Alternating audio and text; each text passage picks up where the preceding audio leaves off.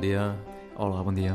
Amb l'Oriol volem parlar de l'arribada del piano a Barcelona, però abans preguntar-te com és que t'interesses per aquest tema. Tu ets historiador. Sí, sóc historiador i sempre m'ha agradat i m'ha apassionat la història, però també sóc eh, pianista, he estudiat piano i per tant era la manera, la forma de poder conjugar aquests dos mons, aquestes dues passions. I vas fer el doctorat precisament sobre això, sobre l'arribada del piano a casa nostra. Sí, era un doctorat d'Història de la Música i vaig eh, decidir començar a investigar doncs, el meu instrument relacionat amb la meva ciutat, que era Barcelona, i quan havia arribat. Per què? Eh, és una pregunta que et formulaves i la vas voler resoldre, en certa manera, això? Doncs sempre m'havia rondat pel cap o m'havia preguntat per què a Barcelona a principis del segle XX i a finals del segle XIX va haver-hi tants constructors de piano i hi havia tanta afició al piano. Llavors vaig anar reculant, pensant, bueno, si hi havia tanta afició és perquè segurament devia haver-hi algun, algun coixí previ, alguna, alguns elements que, de base que després permetessin l'auge la, la, i la difusió del piano a finals del XIX. I aquesta base la vaig anar trobant a finals del segle XVIII, a 1790, 1795, just en el moment que he trobat els primers inputs d'arribada del piano. Per tant, hem de situar l'arribada a Barcelona a l'entorn d'aquell any perquè podria ser que hagués estat abans. Segurament va arribar abans, però no he trobat encara cap document que ho, pugui, que ho certifiqui. El que sí que he pogut comprovar és que a partir de 1790, 91, 92 sí que hi ha documents ja que parlen de, dels primers pianos.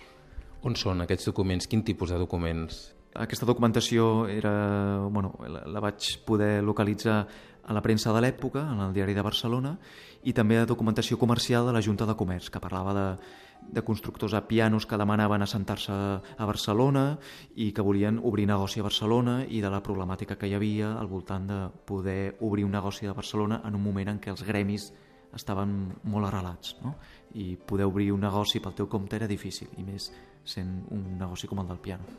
Arriba tard el piano a Barcelona en, pel que fa a Europa doncs, si el primer piano es considera que al voltant de 1700 és, és la creació del primer piano, a mans de Cristòfori, cap a vols de 1730 Silverman a, a Alemanya construeix el, el primer piano alemany, cap a mil vols de 1760-65 arriba cap a Londres, 1770 arriba cap a París i a Barcelona doncs, arriba, com he dit, penso, i encara em falta documentar aquesta, aquesta informació cap a vols de 1780 i per tant eh, arriba tard en relació a Alemanya però en relació, per exemple, a París, que també era el nostre referent, no arriba tan tard.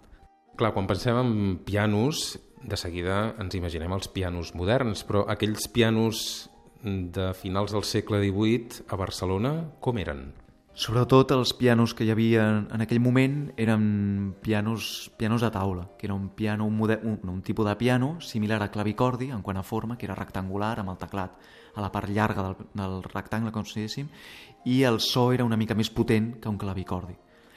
També hem pogut eh, comprovar que també arribaven eh, pianos, de, pianos de cua, però en menor mesura, perquè eren pianos més grans i més costosos de portar, i per tant sempre doncs, la documentació relativa a aquests pianos sempre ha estat més, més difícil de trobar. Per tant, si són pianos diferents, tenen preus diferents també. Mm, això vol dir que no només la burgesia adinerada era la que tenia accés a aquests instruments, en certa manera, estem aquí? Sí, doncs una de les mm, conclusions que hem arribat és que, la, que sí, que efectivament els pianos de taula eren pianos més petits més adequats per un espai més reduït i eh, d'un preu més assequible per la burgesia mitja petita i certs artesans adinerats, com hem, hem pogut comprovar doncs, que un artesà que es deia Joan Maria Macià era un botiguer que a casa seva tenia tres o quatre violins i un pianoforte. O sigui que això ja denota que el piano de taula no era només un instrument d'una elit, sinó també d'una burgesia menys adinerada i d'un artesà, en aquest cas, amb interès musical i per tenir un, un piano a casa seva. No? I en canvi el piano de, els pianos de cua habitualment els que hem trobat són d'importació, per tant molt més cars i ja distribuïts per una classe social amb, amb, amb més poder adquisitiu, com podia ser la gran burgesia, és a dir, burgesia comercial, i la noblesa.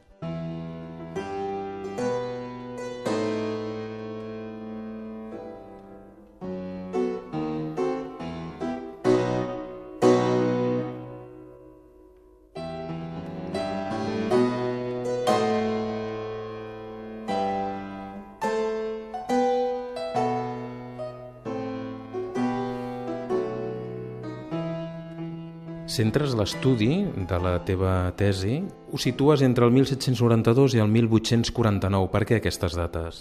Perquè a la, a la pregunta que em vaig fer al principi de tot, tots els constructors que trobava que havien treballat a la segona meitat del 19 començaven a treballar precisament a 1860, 50, 70, però no trobava constructors previs. I per tant, ja hi havia algun estudi posterior a 1850 i per tant el que vaig dir és, bueno, és que s'ha de documentar, s'ha de veure què va passar abans, perquè hi hagués tants constructors de la segona meitat del segle XIX. Per tant, anem a mirar endarrere. Vaig començar a mirar el 1830, vaig trobar coses i així endarrere fins que no he pogut tirar més endarrere perquè no hi havia més documentació i aquest és el límit de 1792. Per tant, omples un buit. Dius que a partir del 1850 sí que podríem trobar estudis i treballs en aquest sentit, abans no, en canvi. Sí, aquest estudi completa un, alguns estudis que hi ha en relació a la construcció de pianos a la segona meitat del segle XIX i per tant omple un buit i és un estudi inèdit sobre la música, no només sobre el piano, sinó també sobre la música i la construcció de pianos i de l'edició també de partitures, i, o sigui, sobretot el món musical i la implicació de, eh, de l'arribada o, de la, o de la difusió d'aquest piano a, a Barcelona. No?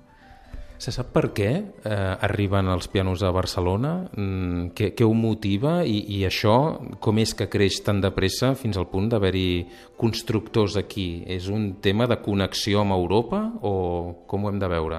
Penso que sí, que, que tens raó, que és un, un, una clara connexió amb Europa, és a dir, Barcelona està molt ben connectada per mar amb Europa, sobretot amb, amb ports com Gènova, i per tant un camí d'ingrés de, de, o importació d'instruments i, de, la, i de material musical era a través de, sobretot a través del, del port de Barcelona jo em preguntava, bueno, i per què? O sigui, per què de, aquesta demanda de, de, de pianos i de música? Bàsicament perquè Barcelona era una ciutat atractiva per estrangers per assentar-se, perquè podia connectar amb les colònies també, i per tant era un punt de comerç important que connectava Europa amb les Índies. Arriben els pianos a Barcelona i entenc que arriben també els constructors de pianos o la gent que se n'ocupa del seu manteniment, perquè aquí no en duria haver. Clar, arriba l'afició, arriba l'instrument i clar, arriba qui construeix els pianos perquè mm, comença a haver-hi una demanda, una certa demanda i evidentment és més barat construir aquí i distribuir el producte que no haver de comprar el producte fora és curiós perquè just quan arriben aquests constructors de, alemanys, bueno, suïssos de la banda alemanya, vora 1795-96, just eh, s'ha pogut documentar que sorgeix o comença a fabricar pianos un fuster que es deia Josep Martí. Suposo que veu aquest fuster la possibilitat d'ampliar negoci, de guanyar-se la vida d'una altra manera, veient que fan altres fusters d'altres països quan arriben aquí. I d'aquí el Josep Martí eh, és el, un dels primers que no és casual que sorgeixi, sinó que és veient la possibilitat d'obrir un, un negoci d'un instrument que estava en, ple, en plena expansió. No? Esmentaves el cas del Josep Martí, van haver-hi altres constructors aquí? Sí, també en eh, coetani Josep, eh, Josep Martí hem pogut documentar un constructor que es deia Josep Alzina, però ben aviat es perd la pista. Però Josep Martí sí que continua i al cap de poc temps sorgeix un altre constructor que es diu Joan Moner. Hem parlat de Barcelona, la resta de Catalunya, se sap si hi havia altres constructors o si el piano va arribar, doncs, en el cas, no sé, Girona o, o Tarragona o... Investigant tota la qüestió de Barcelona he trobat documents que sí que me'n parlaven d'un eh, constructor de, de Girona de 1818 que volia obrir un negoci a Barcelona de pianos i clar, com que era fuster, havia de demanar permís al Gremi de Fusters a Barcelona i gràcies a aquesta documentació i a aquestes cartes he, pogut saber que existia un constructor de, de pianos a Girona. I el mateix em va passar amb un constructor de pianos de Mataró, que també volia obrir negoci i vendre pianos a Barcelona en aquestes dates, però com que qui manava en el negoci de la fusta a Barcelona era el Gremi de Fusters, doncs, evidentment, era una competència que no es podia permetre i per tant aquestes cartes, aquests litigis i aquestes comunicacions entre fusters a diferents ciutats ens han fet pensar que realment hi havia d'altres constructors per, per Catalunya. Quina evolució hi ha eh, pel que fa al creixement de l'instrument del piano entre aquestes dues dates, entre el 1792 i el 1849, que és l'objecte de la teva tesi? El creixement de l'instrument i dels fabricants és progressiu? Sí, hem trobat que una primera etapa, que seria de 1792 a 1808, just abans de la Guerra del Francès, doncs és aquesta arribada del piano i primers constructors locals que comencen a, a fabricar aquests pianos de taula. Després hi ha un tall eh, en la construcció i en general de la cultura i de, de l'economia a Barcelona i a Catalunya arran de la Guerra del Francès entre 1808 i 1814 i a partir de 1814 hem vist que el creixement de construcció de pianos és exponencial, és a dir, ens trobem que a 1823 en tenim 10 de construcció de pianos i a 1849, just al final de l'etapa que he estudiat, en tenim vora una vintena. O sigui que això vol dir que hi havia una activitat i una efervescència musical en general i sobretot amb el piano molt important i que s'entén que després, a la segona meitat del segle XIX, hi hagués aquesta afició i aquesta efervescència mm, en la construcció i en, en el pianisme de Barcelona no? I, i català. No? La tesi la vas llegir l'any passat, però, pel que m'expliques, segueix oberta o, si més no, segueixes investigant sobre el tema? Sí, tant, segueixo investigant i encara hi ha molt per fer i sobretot en el camp aquest del comerç de partitures i comerç d'instruments al voltant de 1800, a la Barcelona de 1800. Doncs Oriol, moltíssimes gràcies per aquests minuts, moltes felicitats per aquest treball i fins la propera. Eh, moltes gràcies, Pere Andreu.